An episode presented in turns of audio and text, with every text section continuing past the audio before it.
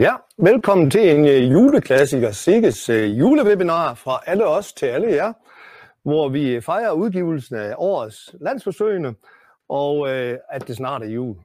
Og øh, til dem, der ikke har gjort det, så skriv lige en, en hilsen ud i chatten. Vi kan se, at der er liv derude. Vi har en, uh, traditionen tro inviteret en række af, af kollegaerne til at komme med et kort indlæg her med highlights fra årets forsøgsarbejde. Og til at styre os igennem det her, der er vi os to. Julie Therese Christensen, min gødningsnæse, og så mig selv, den gamle chefnæse Jens Elbæk. Ja, og i dag der fejrer vi her med gløk og æbleskiver i studiet, at vi har udgivet den her bog, Landsforsøgene 2023, som øh, afrapporterer en lang række spændende markforsøg, hvor der er en helt guldgruppe af ny viden om, hvordan vi kan gøre landbruget mere bæredygtigt. Øh, og øh, bogen den er på vej ud til jer, så den skulle gerne være fremme inden jul. Så øh, vi håber, at øh, når I engang har fået spist al julemaden, så vil I øh, dykke ned i de mange spændende resultater, vi har til jer. Ja, og så øh, 2023 var jo et svært år, som vi alle sammen opdagede, og vi kunne godt bruge lang tid på at fortælle om alt det, der gik galt, og hvorfor bogen er en lille bitte smule tyndere, end den plejer at være. Det, kan, det skal I lige tænke over, når I ligger med den. Den er faktisk lidt tyndere. Øh, men det vil vi ikke øh, dvæle ved i dag. I dag der vil vi fejre det, der lykkes. Og øh, vi vil bringe de her highlights, og øh, vi får besøg af de her gode kollegaer, og de har fået, øh, sådan ligesom vi plejer, tre minutter, et, to slides. Og det kan I sikkert godt huske, det kan være en udfordring for os på Sikkes at begrænse os til det. Men sådan er det, og så vil de præsentere de findings, som de selv har valgt, er de vigtigste fra i år. Og øh, så slutter vi af med traditionstro også et, øh, en gæst udefra, ud fra den virkelige verden, som lige vil hilse på os alle sammen. Og øh, så er det sådan som øh, Flemming Gerts julekalender, som I vil se lidt senere. Man ved, øh, man ved ikke, hvad der er på den anden side af loven. Og det vil sige, dem af der har læst programmet, det kan godt være, at I bliver lidt forvirret. Det kan godt være, at det er lidt noget andet, vi kommer med i dag. Men sådan er det. Og øh, der kan være en overraskelse bag ved hver love. Ja, så vi håber, at I vil læne jer tilbage og spise en øh, æbleskive, øh, men også øh, hold på nissehuen undervejs, for det kommer til at gå stærkt. Som sagt, så har hver kun øh, tre minutter til at præsentere resultaterne. Og hvis der er nogen, der har nogle spørgsmål undervejs, så øh, skal I skrive dem i chatten. Øh, gerne lidt hurtigt, så vi kan nå at tage dem, og hvis vi ikke når dem, så beklager vi. Øhm, men øh, ellers så øh, er det tid til at gå i gang med den første præsentation, og her øh, har vi øh, øh Rikke Lykke Eriksen, som vil øh, præsentere. Jo, tak for det. Jamen, øh, jeg har fået æren af at skal fortælle om øh, for mig et lidt særligt forsøg, øh, som vi har startet op i år. Og øh, ja, det her forsøg, det, øh, det handler om biokul, og der har vi øh, skal vi undersøge, hvorvidt biokul tilført under jorden øh, på sådan en meget grovsandet øh, JB1-jord kan være med til at forbedre øh, jorden og dermed give nogle højere udbytter i, på sådan en jordtype her. Det har været et øh, stort arbejde at anlægge det her forsøg, og til ligesom at illustrere processen lidt, der har jeg taget sådan en video med her, der kan, så I kan se lidt nærmere. Ja,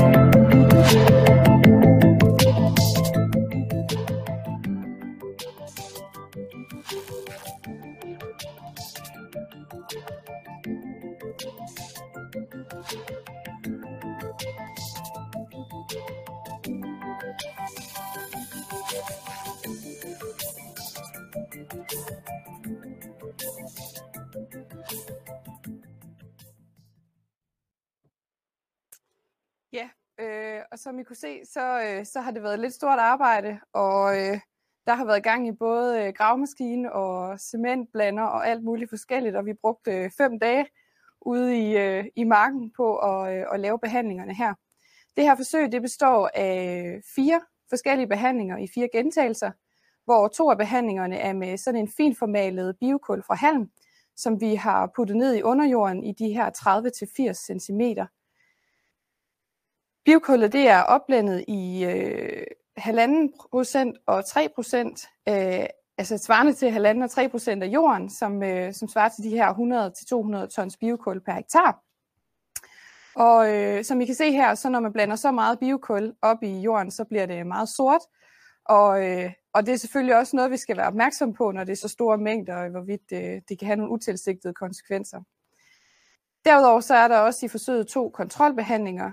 En, øh, hvor vi har haft øh, underjorden op og blive blandet på samme måde som øh, de behandlinger med biokul, og så en, hvor vi har holdt underjorden øh, urørt. Og den her idé til det her forsøg, den, øh, den er ikke kommet sådan ud af det blå. Øh, det stammer egentlig fra nogle søjleforsøg, som er udført ved øh, Københavns Universitet, hvor de har øh, lavet nogle lignende behandlinger, der har vist, at biokul øh, iblandet underjorden på den her måde kan øge den vandholdende evne i jorden, og øh, dermed også, øh, at det vil kunne afspejles i udbyrderne. Så det er noget af det, vi skal undersøge i de kommende år. Vi har ikke høstet i forsøget i år, men øh, fremadrettet skal vi øh, blandt andet kigge på udbytterne og også øh, den vandholdende evne i jorden på, i det, på det her forsøgsareal i samarbejde med Københavns Universitet. Ja, inden du smutter ud, Rikke, så vil jeg lige sige, at øh, det er rigtig smart at vælge sådan en gul jord, når man skal arbejde med sådan noget sort biokul. Så kan man jo ja, se, om man spilder. Ja. Og så vil jeg sige, at øh, nu vil du nok på et tidspunkt møde nogle gamle forsøgsmedarbejdere, som fortæller om det hårde arbejde ved at, at øh, høste roer blandt andet, den der.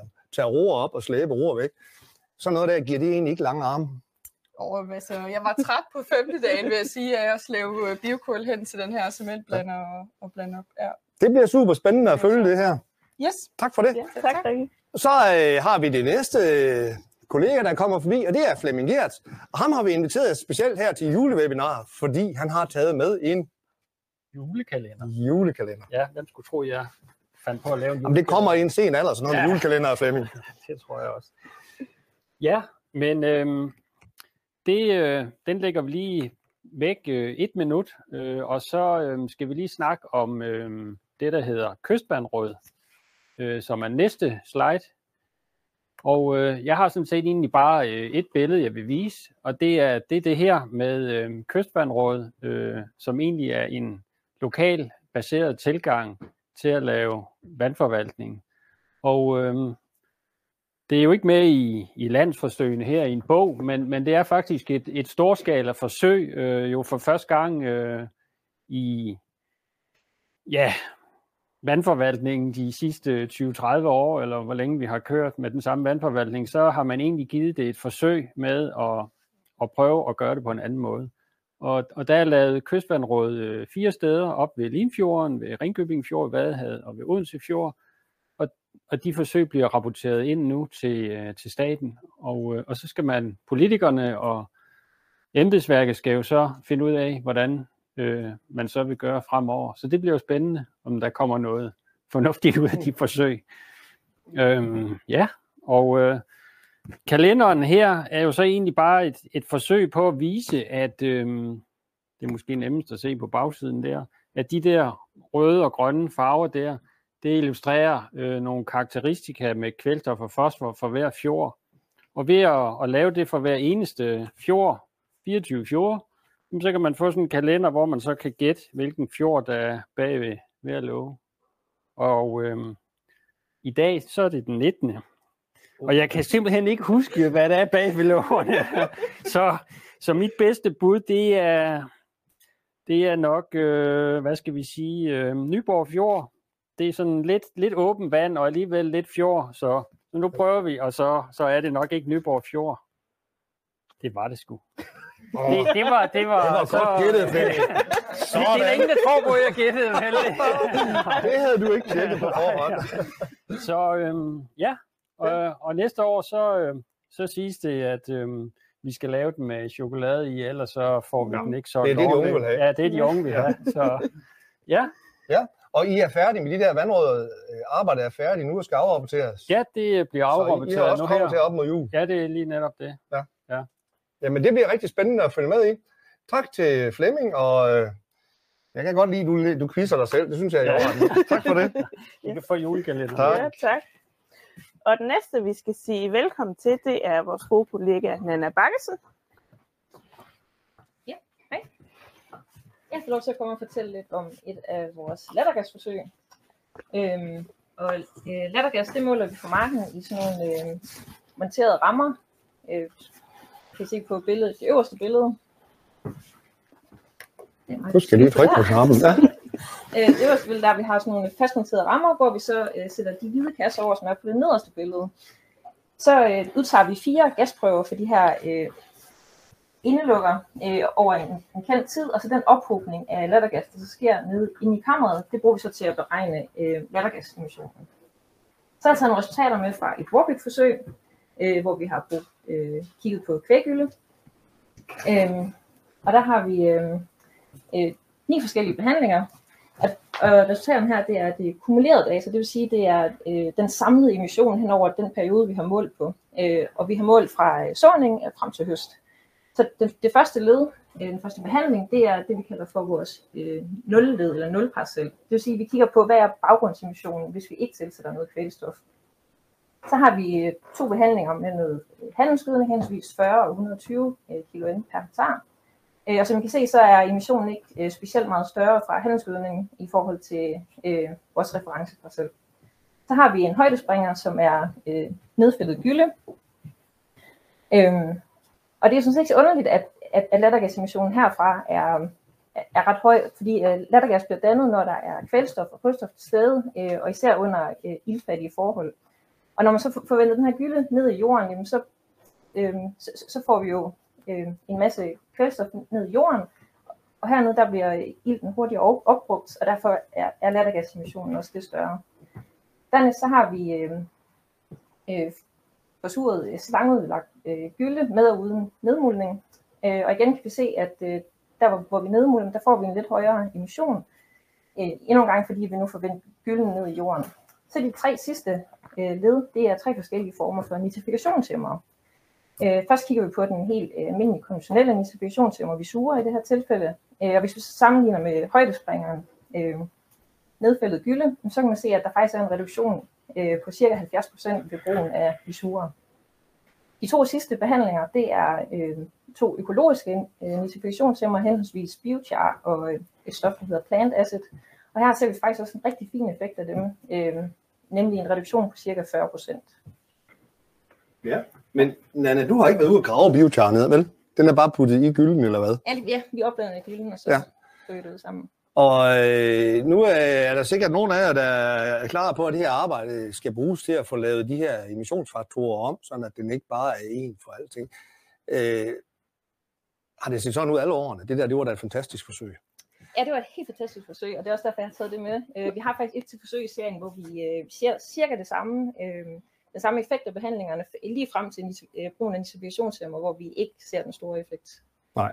Så der er en vis variation i tingene, men, men, ja, men, det men, men det klassiske er vel det billede, vi ser her med en meget lav emission på handelsgødning ja. og, en, og en højere emission på husdyrgødningslederne. Lige præcis. Så det vil I høre mere om de kommende år. Der er masser af arbejde til, ja, ja, til Nana her. Ja, og, og udfordringen er selvfølgelig at finde ud af, om vi kan gøre det på en måde, hvor vi får den her emission gjort mindre på det her husdyrgødning, sådan at vi kan komme i mål med vores klimaambitioner. Lige præcis. Yes, tak for det. Det var slet. Ja, og øh, den næste i rækken, det er Pagelsk her, som ja. vil fortælle om et eller andet med korn sikkert. Jeg vil gerne fortælle lidt om korn, ja. Og øh, det, jeg har valgt at tage med, det er vores øh, såtidsforsøg i øh, vintervede, øh, hvor vi øh, i, i år faktisk har fået lidt andre resultater, end vi har fået i de foregående år. Her kan I se en øh, figur over udbytterne i øh, de forskellige sorter, øh, og den mørke søjle der, det viser der, hvor det er tidligt sået, og den lyse viser der, hvor det er sent sået. Og der har faktisk været et øh, mere udbytte for øh, tidlig såning i, øh, i de fleste sorter. Øh, her kan I se en række sorter, hvor det ligger på en 5-10 hektokilo for at så tidligt i forhold til at så sent. Og det er faktisk lidt usædvanligt i forhold til, hvad vi har set i de foregående år. Øhm, men der er også sorter, hvor det ikke giver nogen øh, forskel. Her kan I se, at Rembrandt den har givet det samme ved, ved, øh, ved de to så-tidspunkter. Øhm, så kan man sige, at så kan jeg jo bare vælge en af, af de her sorter, hvis jeg vil så tidligt, men det er ikke helt ligegyldigt, hvilken en man vælger, fordi der er mange forhold, man skal tage hensyn til, når man skal øh, vælge såtidspunktet og så tidligt.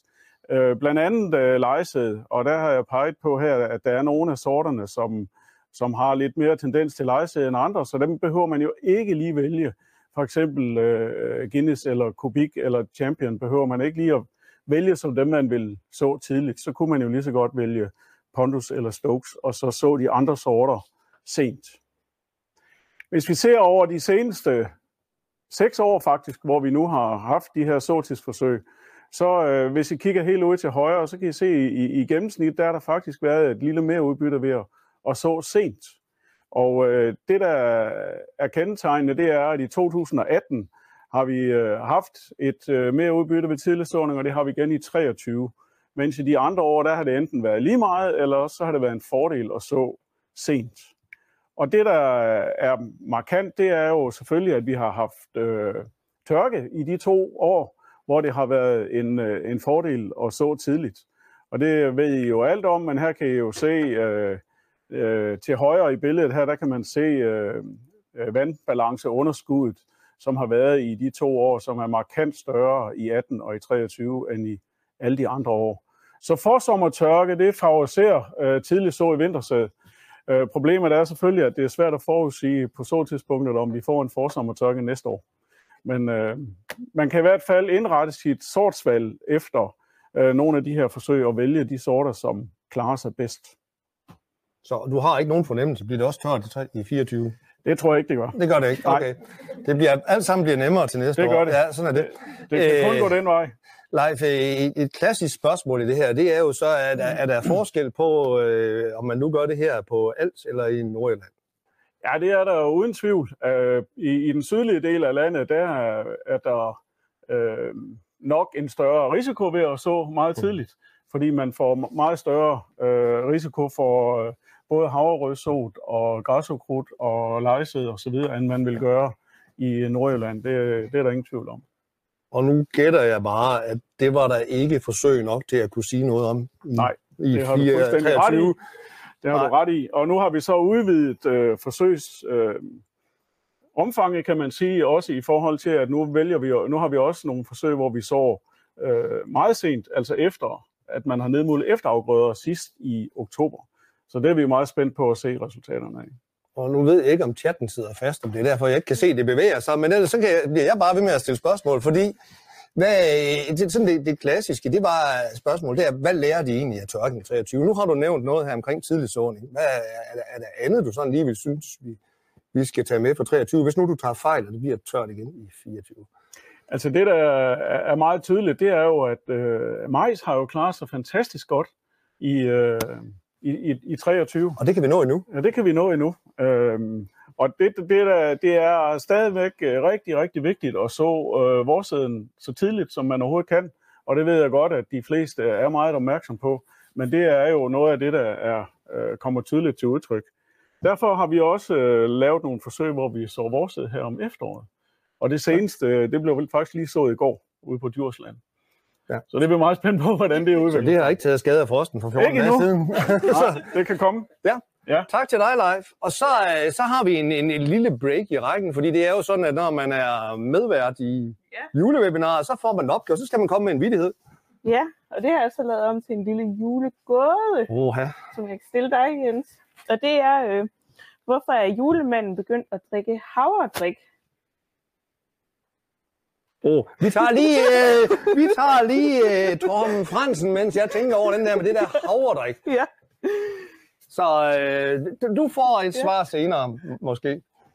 Den kan du tænke over. Den kan jeg tænke over. Og så øh, kan vi jo snakke lidt omkring øh, gylde til græsmarker, fordi det er der, jeg har valgt at lave et nedslag i dag. Øh, den primære gødningskilde til græsmarkerne, det er jo altså husdyrgødning, og derfor så vil jeg præsentere resultaterne af forsøg, vi har lavet med udbringningsteknik af husdyrgødning i sletgræs. Og øh, hvis vi går videre til næste slide, så prøver vi lige at skifte der. Så har vi lavet forsøg, øh, og det gjorde vi i 22, og det har vi også gjort her i 23, hvor vi har målt øh, ammoniakemission øh, ved udbringning af afgasset gylde. Og øh, man skal jo passe på med at, at gentage sådan nogle forsøg, men øh, I kan se i baggrundsbilledet, at øh, vi har sådan et øh, kvadratisk billede af øh, forsøg, hvor at vi har ammoniakmålingerne med de her hvide kasser omkring, og så har vi så ellers et parcelforsøg, hvor at der er udbragt gylde. Øhm, grunden til, at vi har lavet de her forsøg, det er jo, at den større husdyrgødning, den bliver afgasset, og øhm, når vi udbringer den, jamen enten så skal den nedfældes, eller så skal vi tilsætte 6 liter svovlsyre for at reducere ammoniakfordampningen. Og øh, vi er ikke særlig begejstrede for de her tre gange nedfældning i græsmarkerne, fordi det laver temmelig mange spor og temmelig mange afgrødeskader. Så øh, derfor har vi prøvet andre teknikker i form af at køre med en slæbesko i kombination med syre, altså svovlsyre i en reduceret mængde på henholdsvis 2,5 og 3,5 liter. Og så har vi så også prøvet at separere den her afgassede gylde og udlægge den med slanger. Og der har vi så målt øh, ammoniak-emissionen fra de her parceller øh, med de her kamre, som I kan se, og det er det, I ser på øh, kurven her, hvor vi har øh, ammoniak-emissionen fra de forskellige behandlinger. Og øh, det vi kan se der, det er jo så, at øh, nedfældning, som er referencen, jamen øh, der har vi haft numerisk lidt lavere fordampning, end vi har fra henholdsvis læbesko med syre og slangeudlagt uden nogen syrebehandling. Og den signifikant laveste fordampning har vi haft med slangeudlægning med de 6 liter syre. Og øh, så var det jo, at øh, man skal passe på med at gentage en succes, øh, men øh, ikke desto mindre, så kan man sige, jamen skal vi øh, dokumentere noget, så skal vi også kunne repetere sådan nogle resultater, og derfor har vi gentaget de her resultater her i 23 øh, og lavet samme behandlinger. Dog har vi øget svovlsyredoseringen til 3 liter, øh, når vi har kombineret med slæbesko, og øh, vi får faktisk fuldstændig samme resultater, at vi har samme fordampning af ammoniak ved henholdsvis nedfældning, slæbesko med 3 liter syre og en separering med af den afgassede gylde. Øhm, og så er det jo så egentlig op til, til myndighederne at så sige, jamen øh, lige nu, der står vi egentlig med et doseringskrav på de 6 liter, ja, og referencen hedder nedfældning. Øhm, der ser ud til at være et misforhold mellem øh, det, der er kravet, og det, der egentlig svarer til, til nedfældning. Øhm, vi har i hvert fald dokumenteret nu, at vi kan opnå det samme øh, ammoniak øh, fordampning med henholdsvis slæbesko i kombination med en moderat syredosering eller en separering øh, og så slangeudlægning. Og nu skulle jeg jo begrænse mig til kun et slide, for ellers så kunne jeg jo egentlig have sagt, jamen øh, det unikke ved det her forsøgsdesign, det er jo, at vi både måler ammoniakfordampning, og så har udbytteforsøgene. Og øh, jeg kunne have vist her, at vores udbytteforsøg afspejler fuldstændig de ammoniakfordampninger, der er her. Men øh, det kan I læse i oversigten i landsforsøgene 2023, side 313. Så øh, god læselyst, og tak herfra. Og det er jo nemlig rigtigt, Torben, fordi det er jo bare et slide og et highlight. Man kan læse meget mere i bogen her, hvis man vil vide, hvad der ligger bagved, øh, hvordan man har gjort, og hvad det har givet af øvrige resultater. Så er det bare at kaste ud over det. Det står i bogen. Og vi har har, har du noget at spørge Torben om, Julie? Når du er så god til gåder. det var dig, der fik den. Nej, jeg har ikke. Men for det, er godt, at øh, det bedste forsvar, det er jo et godt angreb. Så der er kommet et spørgsmål i chatten. Ja, og, øh, der er en, der spørger til udsædesmængden. Og man kunne jo bare svare i de der forsøg, du har lavet live. Man kunne jo bare svare, at det kan I læse i bogen. Men kom lige ind og fortæl os det. Den får du lov at tage. Smut, Torben. Jeg skal låne mikrofonen. Sådan her. Må ikke det går med den her? Hvad var spørgsmålet? Udsædsmængder i de der så-tidspunktsforsøg? Nå ja, men der, der er brugt øh, forskellige udsædsmængder, og så vidt jeg lige husker, 200 planter per kvadratmeter ved den tidlige såning, og 325 ved den sene såning. Så vi, vi vil altid øh, tilpasse øh, udsædsmængden til såtidspunktet. Ja, så det... Også i forsøgene. Ja. Og det kan man selvfølgelig læse mere om, om baggrunden for alt det, der bliver vist i dag i bogen. Ja. Så, yep. Yes. Hvem har vi så, Julie? Jamen, jeg synes lige, vi tager... Øh, skal vi ah, nej, nej, jeg, jeg tror, jeg skal lige have, jeg skal lige tre minutter mere. Nå, ja, så øh, tager vi Lars, der vil fortælle noget om kartofler og kartoffelskimmel. Ja. Og det er jo altid mig, der skal lave den der, give den der gave ned fra tanken, som ingen andre giver og, og, og, og vil fortælle. Men øh, jeg vil fortælle lidt om kartoffelskimmel på speed, simpelthen om de paradigmeskifter, der er kommet gennem historien. For det er faktisk vigtigt at vide lidt om kartoffelskimmel, når man også skal vide om andre plantesygdomme. Kartoffelskimmelens historie, den skal vi lige have repeteret. Øh, det var sådan, at kartoffelskimlen kom til Europa i 1537. Og så var det det, at kartoffelskimlen faktisk først kom 300 år efter. Og det er jo trods det, at, øh, at øh, Columbus han pendlede jo frem og tilbage mellem Sydamerika i 300 år med masser af kartofler ombord, uden at få kartoffelskimlen med. Så det var faktisk ret fantastisk, at det ikke var en, en, en knoldborn sygdom. Men så fik vi en superspreder simpelthen i 1845, som spredte sig til den, til den irske øh, hungersnød, som alle kender. Men så var så faktisk starten på den øh, kemiske industri, så vi fik lavet øh, Bordeauxvæske, vi fik lavet øh, blåsten i slutningen af 1800-tallet, ganske få år efter vi fik skimmel til Europa. Og så havde vi faktisk skimmel rimelig godt under kontrol. Så gik det 140 år, så fik vi den her A2, A1'eren kom i 1840, så kommer atoren i 1979, og hvis det er han og hun, så kan man forestille sig, hvad der sker efter 140 år. Så får man nemlig seksuel krydsning, og dermed en stor genetisk rekombination og en stor genetisk ny pulje af, af gennem i jorden. Men der havde man allerede lavet de syntetiske svampemidler. Man NEP kom i 50'erne, øh, de, øh, de tagende kom i, i 60'erne, og så var der faktisk god øh, styr på skimlen igen.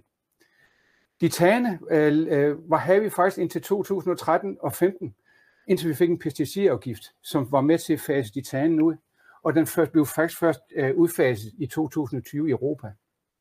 Det betyder faktisk, at vi har kun de specifikke øh, svampemidler fra nu og fremad, fra 2020 til og fremad. Og det er jo det her paradigmeskift, der faktisk vi ser i, øh, i, i, øh, i kartoffelerhvervet lige nu. Det betyder faktisk, at vi kigger her i de gamle lærebøger i øh, 1944, to behandlinger, 1962, to behandlinger med en lidt mere moderne sprøjteknik end i 1944, der kunne man behandle øh, kartoffelskim, men det var de ikke specifikke svampemidler. Nu kom vi til 2023, så skal vi behandle 12-14 gange, og endda med dobbeltdosis med de mest effektive og specifikke svampemidler. Og det er jo en lære på, hvordan kartoffelskimlen, når den er på speed, at den tilpasser sig simpelthen de svampemidler, vi har med at gøre. Konklusionen på det, det er udfordringen, det er så, at vi har en resistens over for Revus, aktivstoffet mandipropamid i hele Norden øh, og i Benelux-landene. Vi har resistens over for Sorvæk, det nye effektive middel, oxatiapiprolin i, øh, i Benelux, Tyskland, Holland, men vi har det ikke i Danmark. Og så har vi en høj risiko for resistens over for fluosinam, øh, som vi kender fra Sjølen, Banjo og Signal.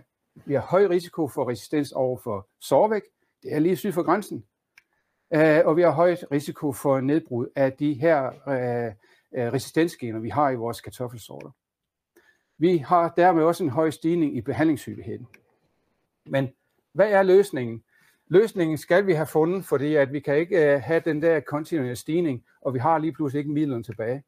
Så derfor skal vi altid i den sæson, vi kommer fra, og den sæson, vi kommer til, vi skal blande vores svampemidler, vi skal altid alternere, altså skifte mellem forskellige virkemekanismer i de enkelte uger, og vi skal kombinere virkemekanismer og resistensgener, og vi skal bruge vores beslutningsstøttesystem, som I alle sammen kan finde i øh, Crop Manager. Og hvis I vil nu bruge juleferien på noget rigtig godt, så kunne I lige tage og høre uh, Sikkes podcast omkring den her historie omkring kartoffelskimlens udvikling, og hvordan vi agter at gøre noget ved den. Så uh, god lytning. Ja, vi siger tak til historielæreren Lars Bødger. Ja. Og øh, nu, øh, nu, nu havde jeg jo sagt, at vi skulle fokusere på det, det, det glædelige budskab i dag. Mm. Og det gode budskab er vel egentlig, at det gik ikke galt. Det gik nemlig ikke galt. For, altså, ja, for så selv lavede... din pessimisme var kommet lidt til skammen. Ja, vi, vi klarede det i 23. Vi klarede det. Klarer vi det også i 24? Det tror jeg. Ja. Det tror jeg. Jamen, øh, så er det jo godt. Gør, som det står der i de sidste uh, slides, hvad vi skal gøre, så tror jeg også, vi klarer det i 3, uh, 24. Det er lidt dyrt, men det går lige. Det går. Tak til Lars. Og så, den der podcast, den er virkelig... Den er faktisk sjov. Jeg, ja. jeg hører sjældent podcast, men uh, det er, den fangede mig Hvis I ligger på sofaen der mellem jul og nytår, så er det en hård konkurrent til bogen. Det er ja. den der Lars Bødgers podcast. Den er lidt mere fordøjelig. Så, ja. nå Julie, lad os høre det der, med, det der havremælk. Hvad var det nu, det var? Det er, hvorfor at uh, julemanden han er begyndt at drikke havredrik. Har det noget med rensdyrmælk at gøre? Nej. Nej, jeg ved det, det ikke. Det er fordi, at uh, havre, de har bjæller på. Nå, yes. Så øh, med, med den, så øh, tager vi den næste gæst, og det er Gita, der kommer. Og det er sikkert noget med svampe også. Det er nemlig helt rigtigt. Det er svampebekæmpelse i hvede, vi skal snakke om. Og her der kan I se, øh, hvad vi har fået i bruttomeudbytter i gennemsnit af alle landsforsøg øh, i år. Og det er cirka 2 hektokilo, vi har fået i det gennemsnitlige bruttomeudbytter. Og I kan også se uh, bruttomeudbytterne i tidligere år, og i alle årene, der har jeg så taget bruttomeudbytterne uh, i de mest styrkede sorter de pågældende år, og samtlige landsforsøg er med. Men de lave meudbytter er ikke overraskende, fordi det var jo så tørt, som vi har snakket om uh, mange gange. Og derfor har vi også øh, en dårlig rentabilitet i rigtig mange forsøg, har vi ikke fået betaling for svampesprøjtning overhovedet. I kan se, at i 2019, der havde vi nogle høje meudbytter, der havde vi 18 hektokilo i gennemsnit af alle forsøg i bruttomeudbytter. Og de her meobytter over årene, de afspejler jo, hvordan smittetrykket har været, og hvorfor nogle sorter vi dyrker. Og lige nu, der dyrker vi nogle mindre modtagelige sorter, og her der kan I se, hvad vi dyrker øh, i sæson 2024. Og det er jo den der 0-3 skala, øh, hvor 3 det er meget modtagelig. Og det vi sprøjter mest imod, det er jo Septoria.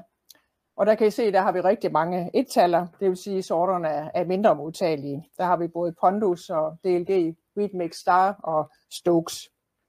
Og I kan også se, at vi dyrker ikke ret mange sorter, der får gulrost af betydning.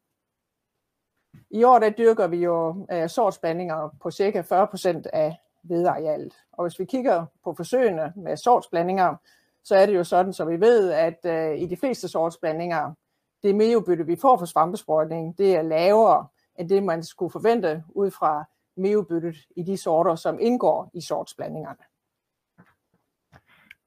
Her der kan I se en tilsvarende oversigt fra foråret 2019. Det var det år, hvor det gennemsnitlige bruttomeobytte var 18 hektokilo per hektar. Og der kan I se, der var de fleste af sorterne jo modtagelige for septoria. Vi har lutter, øh, totaller og tretaller næsten. Og I kan også se, at benchmark og andre sorter yderligere var meget modtagelige for gulrost.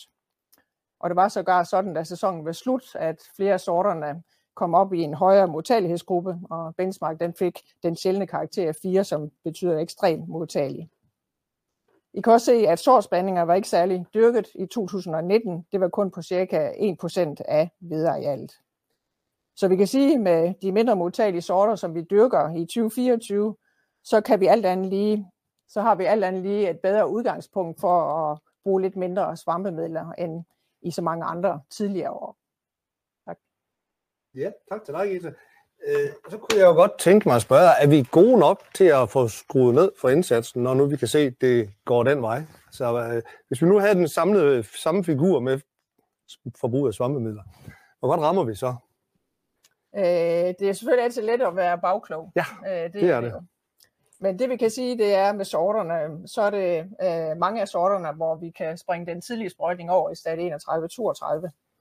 Øh, og det er også øh, i de sorter, som er mindst modtagelige, der kan man også reducere indsatsen i stadie 39 og den sidste sprøjtning. Ja. Så det er jo ikke sådan, at vi slet ikke skal sprøjte, øh, fordi stadie 39 sprøjtning er den vigtigste sprøjtning. Den skal alle lave med balejer, men øh, dosis kan øh, justeres. Øh, men jeg mener især fokus på den tidlige sprøjtning, at den skal ikke laves der, hvor det ikke er nødvendigt.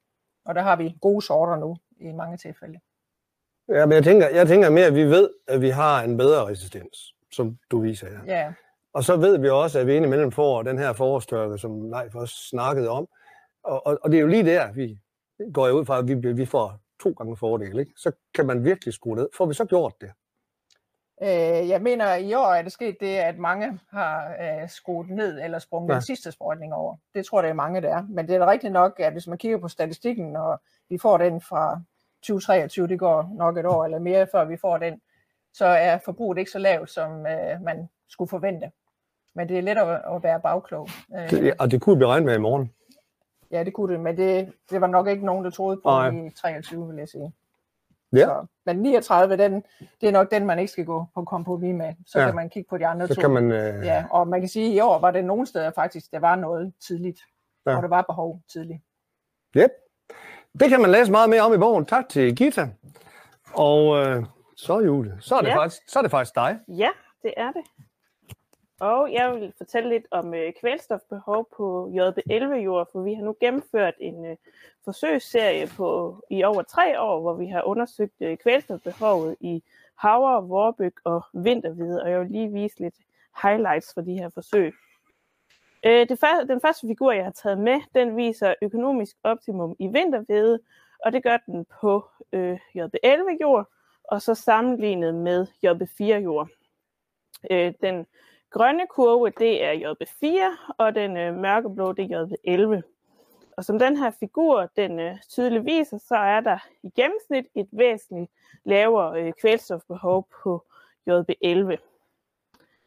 Det dækker dog over øh, ret stor øh, variation, øh, så i enkelt forsøgene, vi har udført her på JB11, der har været øh, lige fra øh, 0 øh, kilo N øh, behov øh, til ja, næsten 200. Og øh, nu gennemgår jeg lige øh, kvælstofbehoven for de øh, tre forskellige arter. Så vi har udført øh, forsøg i 2021 til 2023. Og jeg vil lige sige om de her tal, det øh, er, at øh, de er udregnet med et rimeligt ugunstigt øh, øh, bytteforhold, og det er, der er brugt en kvælstofpris på, på 17 kroner. Så hvis det er sådan mere almindelige forhold, så skal man nok lige lægge øh, 20 kilo ind til. Så man kan se, at i øh, 2021 så var der et ret lavt behov øh, for havre på 38 kilo, og som man kan se i parentesen, så dækker det også over en stor variation. Og især her i øh, 2023 forsøgene, så har der både været et forsøg med et behov på 27 kilo og et på 116. Lidt det samme billede tegner sig, når vi kigger på alle forsøgene. Der er igen en spredning på fra 0 til 169 øh, kilo N. Øh, og så for vintervede, der er, er der også en stor spredning. Der er dog tendens til, at de har et større øh, kvælstofbehov. Øh, men igen er der jo den her stor, øh, utrolig store øh, spredning.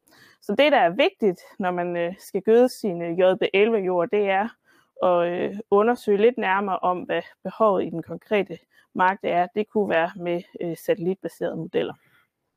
Så ja. det var lige helt kort. Tak til Julie. Og det var, det var jo, øh, det, det her er jo udført af, at vi satte normen ned for kvælstof til JB11 for et par år siden. Og øh, i forbindelse med det, så valgte man jo så at sige, jamen så skal vi have nogle forsøg, der dokumenterer, om, om det var rigtigt at gøre det. Ja. Var det rigtigt? Det øh, er det i hvert fald meget, der tyder på, at det var rigtigt, ja. øhm, at den skulle ned øh, normen. Ja. Øhm. Og så er det jo et af de problemer, der går væk, fordi på et eller andet tidspunkt, så sætter vi jo det hele under vand, og så er vi over det pjat, så behøver vi ikke lave de forsøg mere. Ja. Så, eller hvad? Nå. Så, øh, så kommer vi til det sidste punkt, øh, det sidste gæst, og det er en gæst udefra, så nu er, er jeg spændt på, om vi kan stille op til forsøgsenhed nummer et oppe i Nordjylland til Søren. Kan I, øh, kan I se vores slides nu? Ja, der er noget på det vej, kan ja. vi. Yes. Sådan. Der skulle gerne være en fin majtasker. ja, det er der. Er flot Og det var billede. godt. Det var godt. Jamen, det er et dejligt billede fra, da vi høstede øh, vores vinterhvedesortsforsøg. Men vi har fået lov til at lave en lille julehilsen, og øhm, jeg tænkte det er lige for at starte med at vise, hvem er det egentlig, der står og snakker til jer, udover det er Peter og Sofie heroppe fra Landbrug Nord. Jamen, så repræsenterer vi vores forsøgsafdeling, som vi har heroppe øh, i Vendsyssel, og øh, vores forsøg, som billedet viser, dækker egentlig bredt øh, hele Vendsyssel fra øst til vest. Vi har en base ude i Brønderslev, hvor vi så kører ud fra med vores øh, maskiner og udstyr. Og udover kornforsøg og lidt majs, jamen, så har vi også kartoffelforsøg i samarbejde med AKV. Og hvordan har sådan et forsøgsår været et år som i år, med de udfordringer, der nu har været? Hvis vi ser tilbage på vækstsæsonen, der gik, så mindes vi efteråret som vådt, vådt, vådt. Der var lige et lille tørt vindue, og så regnede det ellers. En, gennem, hele vejen gennem vinteren, og også foråret var også øh, vådt, vådt. Øhm, og da det så endelig stoppede med at regne, så mindes I nok også alle sammen, at så blev der bare tørt. Og det har selvfølgelig sat sin spor, ikke kun ud i marken, som billedet her viser, hvor at, øh, nogen jo kom ud og køre i et føre, der var lidt, øh, lidt mere vådt end ønsket. Men så betød det også for vores forsøg, at vores såning, især i foråret, jamen, den blev lidt senere, og vores såbed var generelt våde rundt omkring. Øh, så det blev egentlig en ret sen sæson, og så blev det jo så til gengæld tørt. Men når vi så gør status, så har vi i år haft et lidt lille forsøgsår med 47 forsøg. Og ud af de 47 forsøg har vi til gengæld kun måttet kassere et som direkte konsekvens af tørke. Og det synes vi jo egentlig, det kunne vi være godt tilfredse med sådan et år, og vi var meget optimistiske, optimistiske at det hele det så godt ud, sortsforsøgene stod godt, og det skulle nok øh, blive en god høst, vi så ind i. Men øh, så vil øh, Peter tage jer lidt videre med, hvordan, øh, hvordan det gik. Ja, men så kom vi jo derhen i øh, starten af august måned. Så fik vi øh, besøg af Hans, og Hans var sådan lidt mere vindig, end hvad vi er vant til her ved Vendsyssel, så øh, det var sådan en frisk brise. Og han høstede så vores øh, og han var også øh, hjælper til at høste en del af vores hvidsortsforsøg. Så øh, udbytterne, de blev lidt svingende, men vi fik testet, hvad de forskellige sorter, de kunne, kunne holde til. Og det samme det galt så også vores øh, majs øh, sortforsøg. Der, der er også en del planter, der knækker. Så vi skal ikke ud og lege en dyr helikopter for at teste øh, sorterne af. Det er klar vinden vinde for os. Så, men ellers så, så gik det fint med at få det hele høstet. Og, øhm, jamen det hele, det er så ikke så skidt. Og hvis vi ser tilbage på øh, sæsonen, så har vi egentlig haft en god sæson med nogle vellykket forsøg. Og det kan kun lade sig gøre, fordi at øh, vi har nogle gode forsøgsværter, som øh, gør alt for os, når vi øh, kommer og forstyrrer dem. Og,